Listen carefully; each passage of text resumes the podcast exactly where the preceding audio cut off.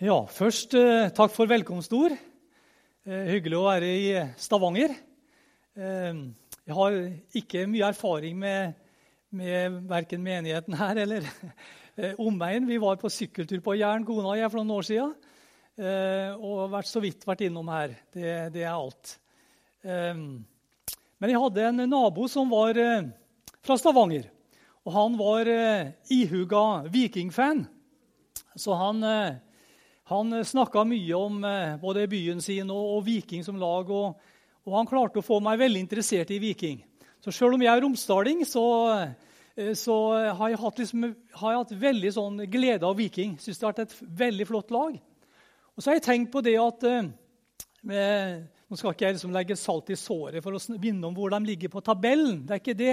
Men eh, jeg ville bare nevne det at når jeg tenker på den stormakten i Norge som, eh, som uh, fotballag, da, som Viking egentlig er, med det mannskapet det rår over, de mulighetene som ligger der, så, så, skulle de på en måte ikke ligge der så langt nede på tabellen. for jeg, tenker, jeg, ser på Viking som et storlag. og så tenkte jeg litt sånn videre at kanskje er det litt sånn også med menighetene våre veldig ofte at vi har et stort potensial. Vi, vi kan få utretta utrolig mye. Eh, men liksom det, det, vi får liksom det ikke helt ut. Vi får liksom ikke eh, det der ekstra giret i gang som gjør at eh, det tar av. Jeg vil bare innledningsvis også bare si det da, at nå er det første gangen jeg taler her. og det er første gangen jeg taler med briller, så det blir også veldig uvant for meg. Men eh, jeg må prøve å gjøre det beste ut av det. Eh, jeg vil ta kort-kort-versjon av mitt vitnesbyrd, for det har med det her å gjøre. Eh, jeg ble frelst som elleveåring, og da vokste jeg opp på en måte i en, en vekkelses... hva skal jeg si forsamling eh, som egentlig ikke var noen menighet. eller noe sånt, fordi Det starta med at noen ble frelst og delte vitnesbyrdet med noen andre igjen. Så ble de frelst. Og så delte de vitnesbyrdet videre, og så ble de frelst. Og så, og så balla det på seg. Og så kom jeg intetanende på ferie eh, til dette stedet og, og, eh, og, ble en del av den frelsesstatistikken. Jeg, jeg måtte bare gi meg enda over, over eh, det Jesus hadde gjort og betydde for disse folka. Eh, så slik ble jeg frelst. Og, og som elleveåring da Det var artig forresten at dere starta med eh, den sangen dere gjorde i dag. 'Min sjel er fri'. Eh, det var den første sangen jeg tror jeg lærte eh, i, det, i, det, miljøet der. Eh, og eh, da Jesus satte sjelen fri. Og det som da, som jeg, Når jeg tenker tilbake, så var det dette at de sa til meg 'Håkon, kan ikke du synge neste søndag?' Håkon, kan ikke du prøve å finne et ord fra Bibelen og, og dele med oss? Og så, videre, sånn. så jeg, når jeg var elleve år, så, så, lærte jeg på en måte å, å ikke bare bringe vitnesbyrdet mitt, men eh, dele litt fra Guds ord til de som var godt voksne. Jeg var nok eh, en av de aller yngste der.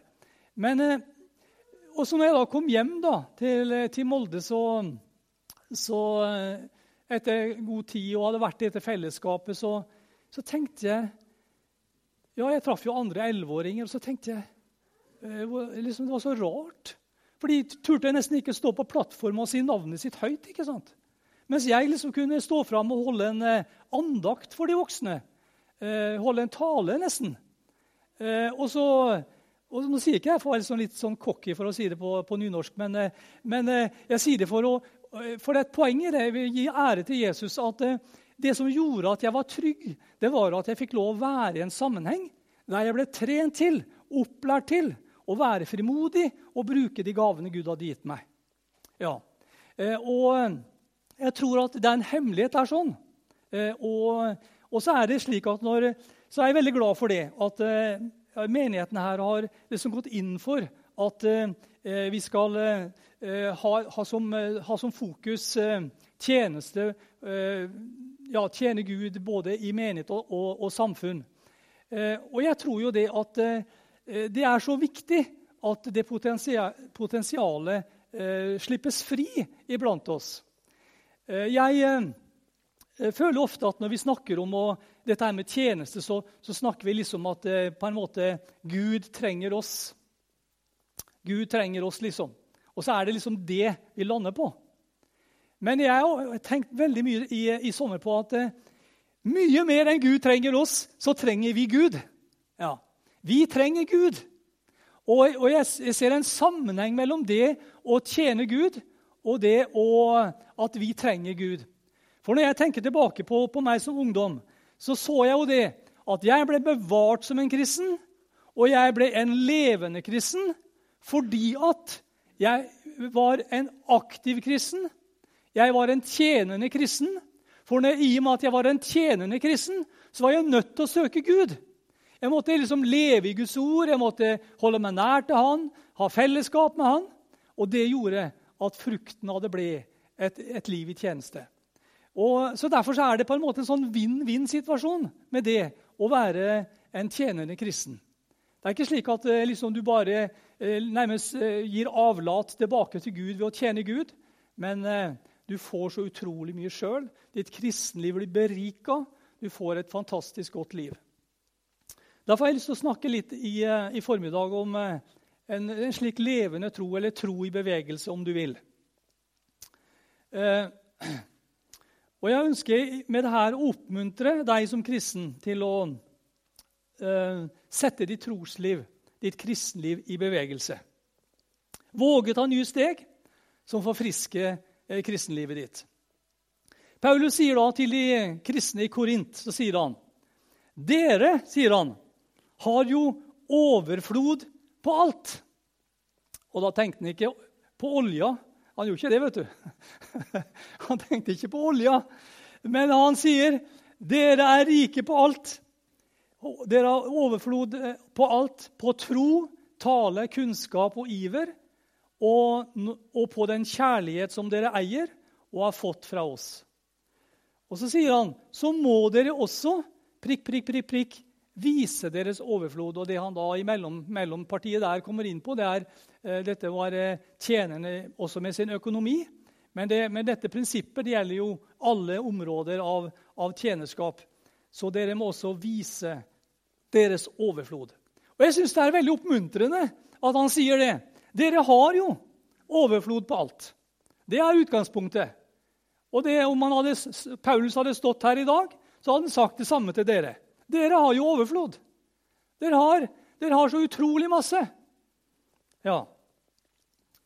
La den overflod av velsignelse dere har fått i Kristus, av materielle gaver, naturgaver, nådegaver og kjærlighet, La den få komme til uttrykk, bli vist fram, satt i bevegelse. Og Han sier noe lignende til, eh, til Filemon. Da sier han, 'For jeg hører om den kjærlighet som du har til alle de hellige,' om din tro på Herren Jesus.' 'Sammen med dem eier du troen.' Og det er min bønn at den, altså troen, troen, må være virksom og gi deg større innsikt i det gode vi skal gjøre for Kristus. Jeg hører om din kjærlighet og din tro. Så min bønn for deg er at troen må være virksom og få enda større innsikt i hvordan troen kan bli satt i bevegelse til å gjøre det gode for Kristus. Det er egentlig det han sier her til den unge Filemon. Og Det skal egentlig ikke så, eh, så store endringene til i ditt og mitt liv. Kanskje litt justering her, litt justering der, ta litt tak i noen tidstyver eh, som, eh, som, veldig lett tar tida vår, eh, for å på en måte eh, komme på sporet av det Gud har som ønske for våre liv. Alt liv som finnes i naturen, det kjennetegnes jo av bevegelse og forandring. Det syns å være på en måte en slags livslov. det. At skal livet bestå, ja vel, så må det være bevegelse og endring. Men like sant er det at vi mennesker vi misliker jo det der med endring i våre vaner og alt det her. Eh, ja, vi misliker det veldig ofte. Eh, de eneste menneskene som, som, liker forandring, det er faktisk babyer som, eh, som har tissa i bleia. ikke sant? Og sjøl de, de er ikke alltid så happy akkurat mens bleieskiftet pågår. Men de, de, de, eh, de, vil gjerne at det skal skje en endring. Like fullt så har Gud eh, planta et frø i ditt og mitt liv. Et fantastisk frø fra fødsel og fra gjenfødelse som, som da inneholder Guds fantastiske potensial for deg i ditt liv.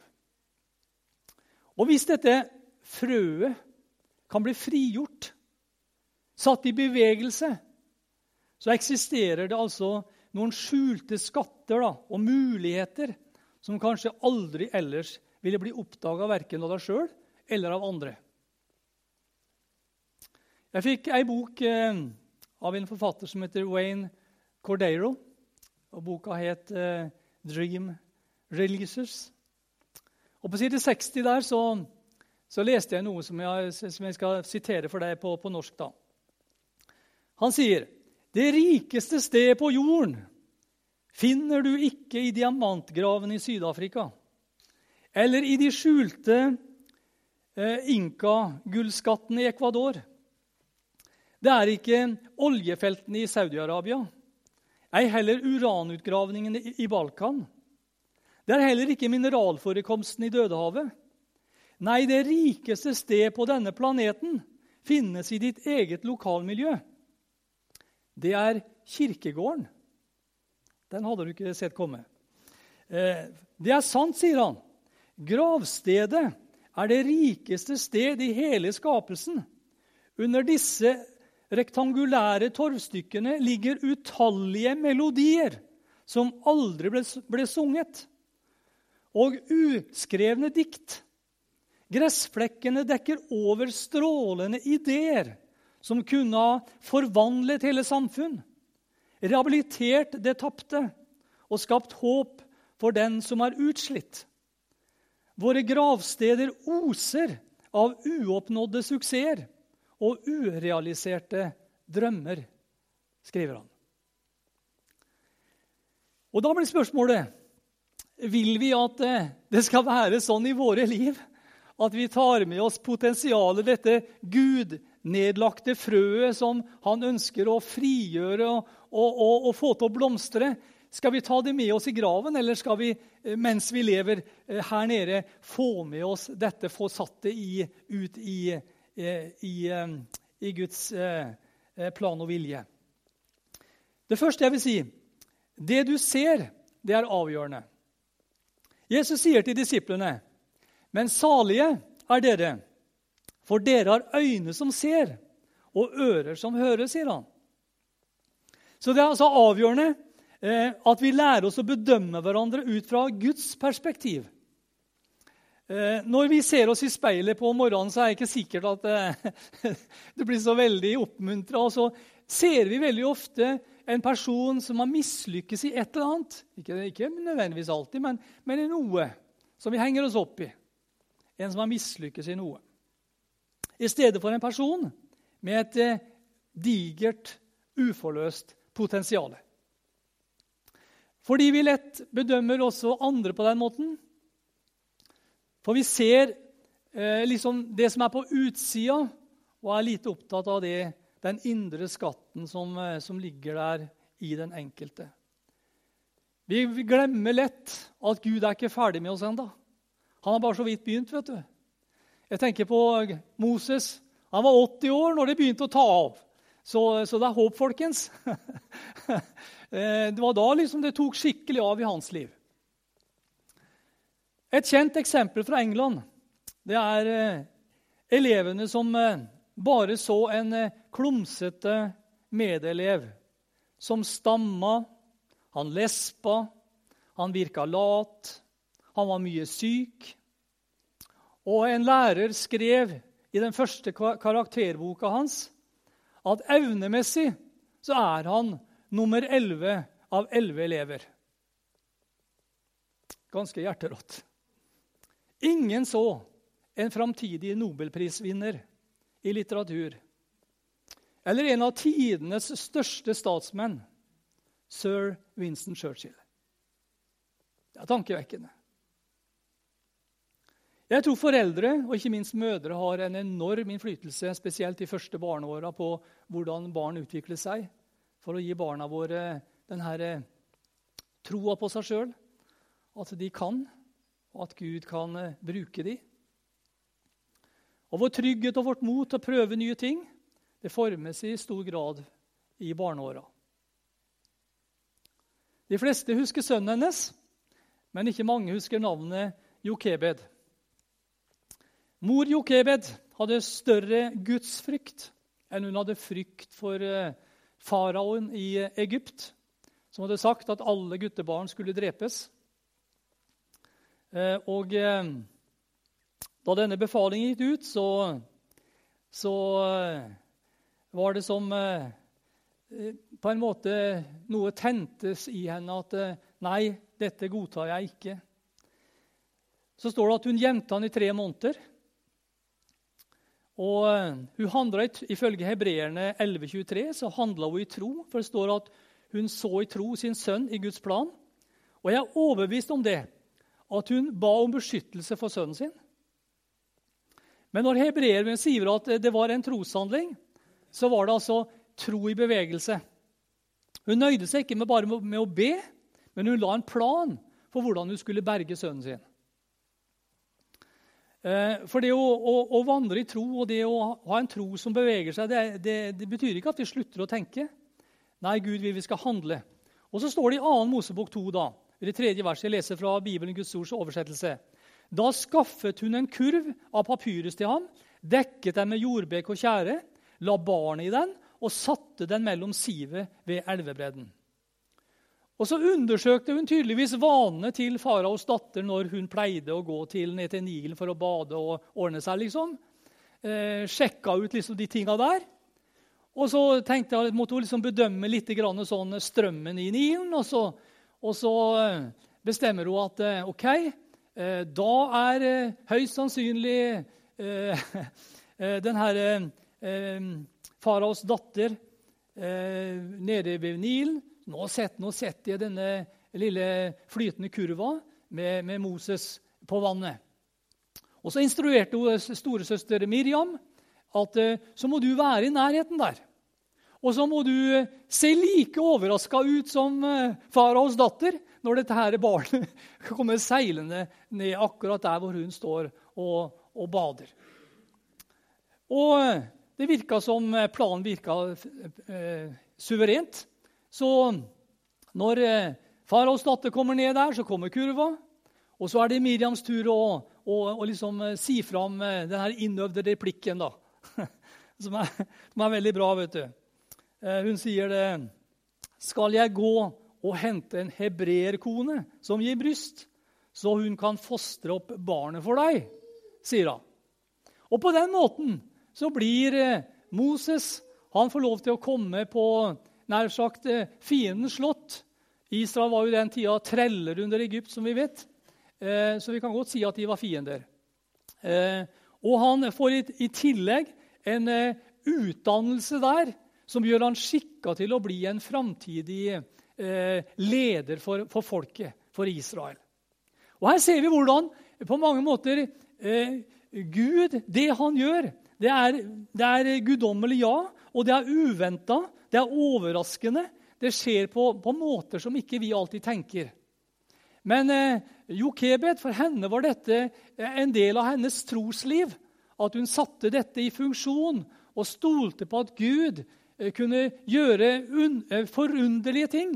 Bare hun gjorde sin del, var villig til å, å, å, å se mulighetene. Og Sånn tenker jeg, som vil Gud også handle med oss.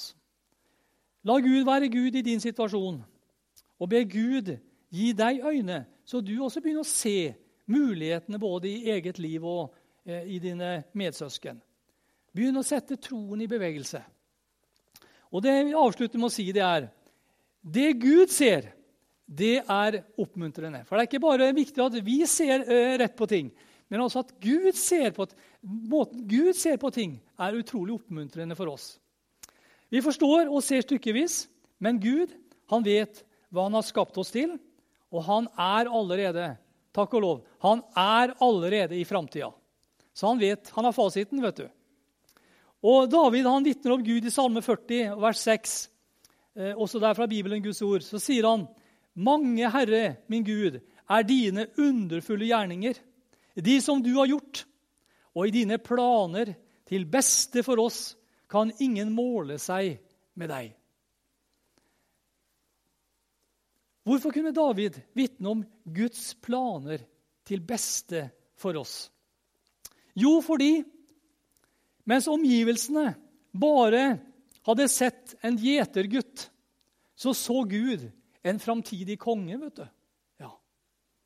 Han så noe helt annet. Ja. Josef, i, i han så, så folk, spesielt familien, kanskje mest en bortskjemt, selvopptatt ung mann.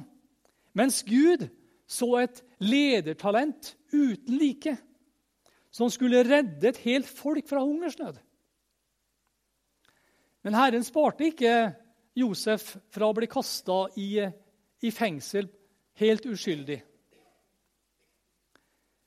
Det virker som Gud ikke nødvendigvis fører oss utenom motgang. Nei, det har sikkert de fleste av oss erfart. Noen ganger så, så kjenner vi på det, at vi, vi, går inn i motgang. Men Herren var med Josef i fengselet, slik han er med deg og meg når vi prøves og testes. Han tok Josef på dreieskiva. Han forma han til en helt ny person. Eller vi kunne gå litt eh, fram i tid og nevne en, eh, en annen person så da omgivelsene bare så en skoselger, så var Gud allerede i ferd med å forme vekkelsesmannen D.L. Moody. Det fins mange slike eksempler. Gud hadde en særegen skatt, og han har fremdeles en særegen skatt som han ønsker å synliggjøre i hver enkelt av oss. I en Jeremia som slet med å ordlegge seg, så hadde Gud gjemt en stor profet. vet du. I en vinglete Simon så han en spire i noe klippefast du er Simon, men du skal hete Peter, klippen. Jesus så potensialet. Han så en, eh, en eh, sterk, stabil menighetsleder der framme. Ingen kunne se det da, men Jesus så. Han så det. Så det er veldig inspirerende å tenke på hva Gud tenker om deg og meg. Eh, så blir du fortvila, så begynn å lese i denne boka. For der, der er det vanvittig mye oppmuntring eh, hvordan Gud tenker om deg. Og Jeg har lyst til å spørre deg hva har eh, Gud gjemt i deg? Ingen av de som jeg har nevnt, oppnådde det her bare ved å ta det første steget. Vi pakker ut denne skatten som Gud har lagt ned oss ikke bare ved å ta ett skritt, men kanskje ved å ta flere skritt. Ta noen nye steg. Vi pakker ut skatten Gud har lagt ned i oss, gjennom en rekke valg. Og Det er der kanskje vi, vi prøves i, i, i, det daglige. Nettopp der. Det er der det står på spill.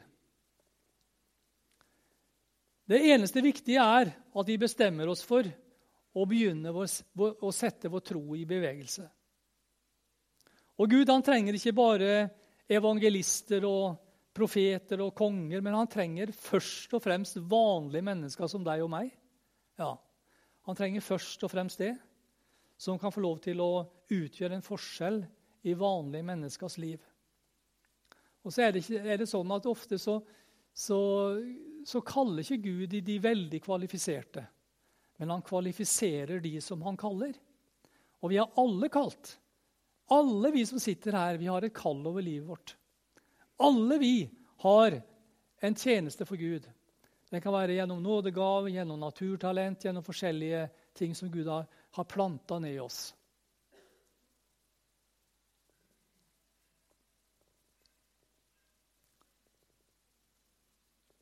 Du kan si til deg sjøl i dag jeg vil ha lyst til, jeg, vet, jeg vil be til Gud om, å begynne å redusere avstand mellom det jeg kunne hatt av gudgitt innflytelse på andre, og det livet som jeg faktisk lever. Jeg vil eh, søke Gud for det. For det er jo et spørsmål som jeg har lyst til å, å stille til slutt. Hvordan ønsker du å avslutte og forlate dette livet en dag? Vil du gjøre det i erkjennelsen av at uh, du ikke brukte mulighetene Gud hadde designa for deg, og så ta med deg de ubrukte mulighetene i grava? Eller vil du gjøre det med overbevisning om at uh, du har levd ditt liv her på jorda i trofasthet mot Gud. Og det som grava får, ja, det er bare det som er oppbrukt. og da trenger vi kanskje å, å, å, gjøre noen sånne justeringer, da, vet du. Eh, I dag Jeg husker jeg fikk dette her, eh, fikk dette bokmerket som elleveåring, som jeg skulle legge inn i Bibelen min. da. Eh, Morgendagen har ingen sett, men i dag hjelper Herren. I dag hjelper Herren. Det var godt å leve på. I dag hjelper Herren. I dag er Han å finne. Skal vi be om det, at uh, denne høsten kan bli en sånn høst der vi, uh, vi, uh, vi blir liksom oppdagelsesreisende hver for oss i eget liv og er med å oppmuntre oss andre til å finne skatten der inne og få den, få den blankpolert, få den ut få lov til å få fram dette, dette potensialet som Gud har lagt ned i oss, som gjør at vi kan bety en forskjell der Gud har satt oss. Både i menighet, i samfunn, på jobben, der Gud har plassert oss. For når vi det gjør, så vil det hjelpe oss til å holde oss nær Jesus, nær Gud. Vi kommer til å søke Gud for, for det han har. Og det vil holde oss både varm og levende som kristne. Skal vi be sammen? Kjære Jesus, jeg takker og priser deg for ditt ord, Herre. Takker deg for det er så vanvittig mye oppmuntring, Herre, i ditt ord. Det er eh, de lyse, gode tonene, Herre. Og jeg takker og priser deg for at eh, du ser eh, potensialet i hver enkelt av oss. Takk at du har kjøpt oss dyrt, står det i ditt ord. Du har betalt prisen, og du har ofra alt, Herre.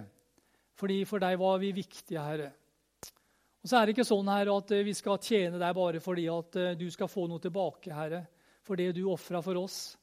Men først og fremst for at vi sjøl skal få ha et rikere liv, ha et enda bedre kristenliv, et liv som ikke går på tomgang, men et kristenliv som eh, leves i, i rand av fullhet, Herre, av ditt nærvær og din omsorg og din kraft.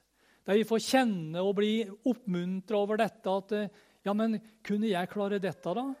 Hvordan kunne jeg få til det? Ja, Herre, jeg tror det blir mange slike aha-opplevelser. For sånn blir det når vi, Herre, søker deg og din vilje. Jesus Kristus, hjelp oss du, Herre, til å gjøre en forskjell der du har satt oss. Vi ber for Stavanger som by, Herre. ber om en uh, ny tid, Herre. Uh, for ditt folk, Herre, og for, uh, og for de som ikke er frelst.